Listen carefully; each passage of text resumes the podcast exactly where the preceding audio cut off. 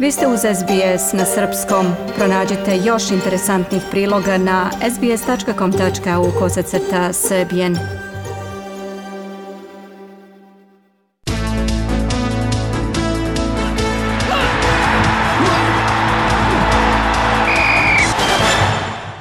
Futbaleri Crvene zvezde odbranili su titulu šampiona Srbije pošto su u poslednjem kolu Superlige pobedili Voždovac sa 3 prema 1. Zvezda je tako osvojila 33. titulu u klubskoj istoriji, a petu zaredom. Crveno-beli su poveli golom Kataji, a na 2-0 je povećao Ivanića posle gola Milojevića za Voždovac.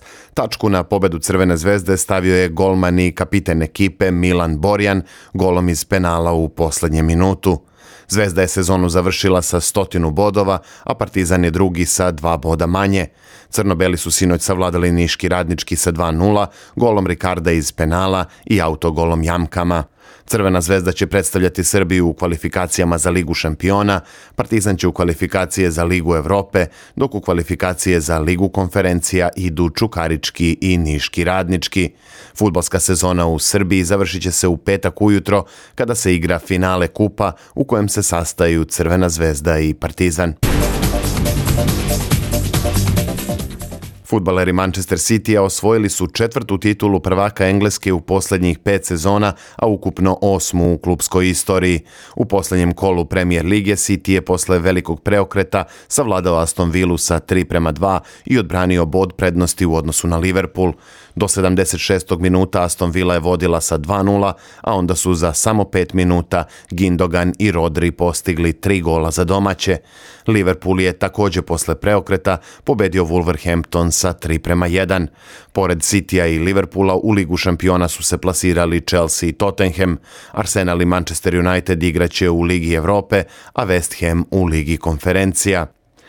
Futbaleri Milana novi su šampioni Italije. U poslednjem kolu savladali su sa Suolo sa 3-0 i sačuvali bodovnu prednost u odnosu na Inter, koji je takođe zabeležio pobedu od 3 prema 0 protiv Sampdorije. Milanu je ovo 19. titula prvaka Italije i zajedno sa Interom, Napolijem i Juventusom igraće u Ligi šampiona iduće sezone. U velikom finalu Australijske A lige sastaće se futbaleri Melbourne City-a i Western Uniteda. Aktuelni prvaci države savladali su Adelaide United u revanšu polufinala sa 2-1 i izborili se za priliku da odbrane titulu.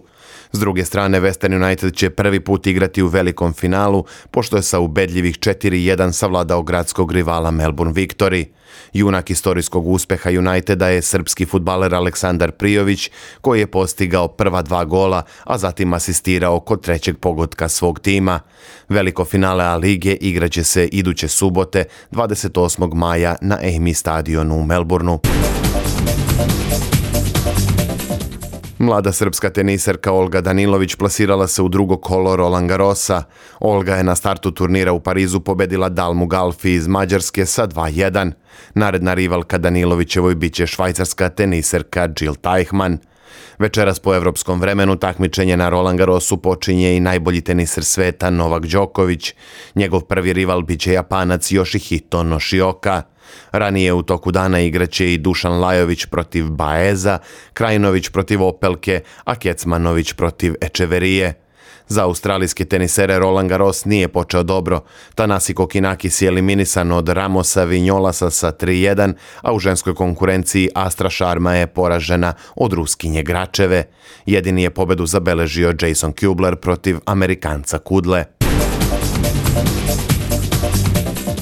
Vozač Red Bulla Max Verstappen pobednik je trke Formula 1 za veliku nagradu Katalonije. Holandjanin je iskoristio odustajanje Šarla Leclera zbog kvara na bolidu i ovim triumfom preuzeo prvo mesto u generalnom plasmanu. Drugi u Barceloni bio je Sergio Perez, a treći George Russell. Lewis Hamilton je stigao na cilj peti, a australijski vozač Daniel Ricardo 12. Verstappen sada ima 110 bodova, šest više od drugoplasiranog Leclera. Naredna trka Formula 1 vozi se u iduću nedelju u Monte Carlo. Košarkaši Partizana plasirali su se u finale regionalne ABA lige pošto su u trećem meču polufinala ubedljivo pobedili Podgoričku budućnost 101-77. Crnobeli sada čekaju pobednika večerašnjeg duela između Crvene zvezde i Cedevita Olimpije. Partizanu će ovo biti prvo finale Jadranske lige još od 2013. godine, kada su poslednji put i osvojili šampionski trofej. SBS ogledalo aktualnih zbivanja u sportu.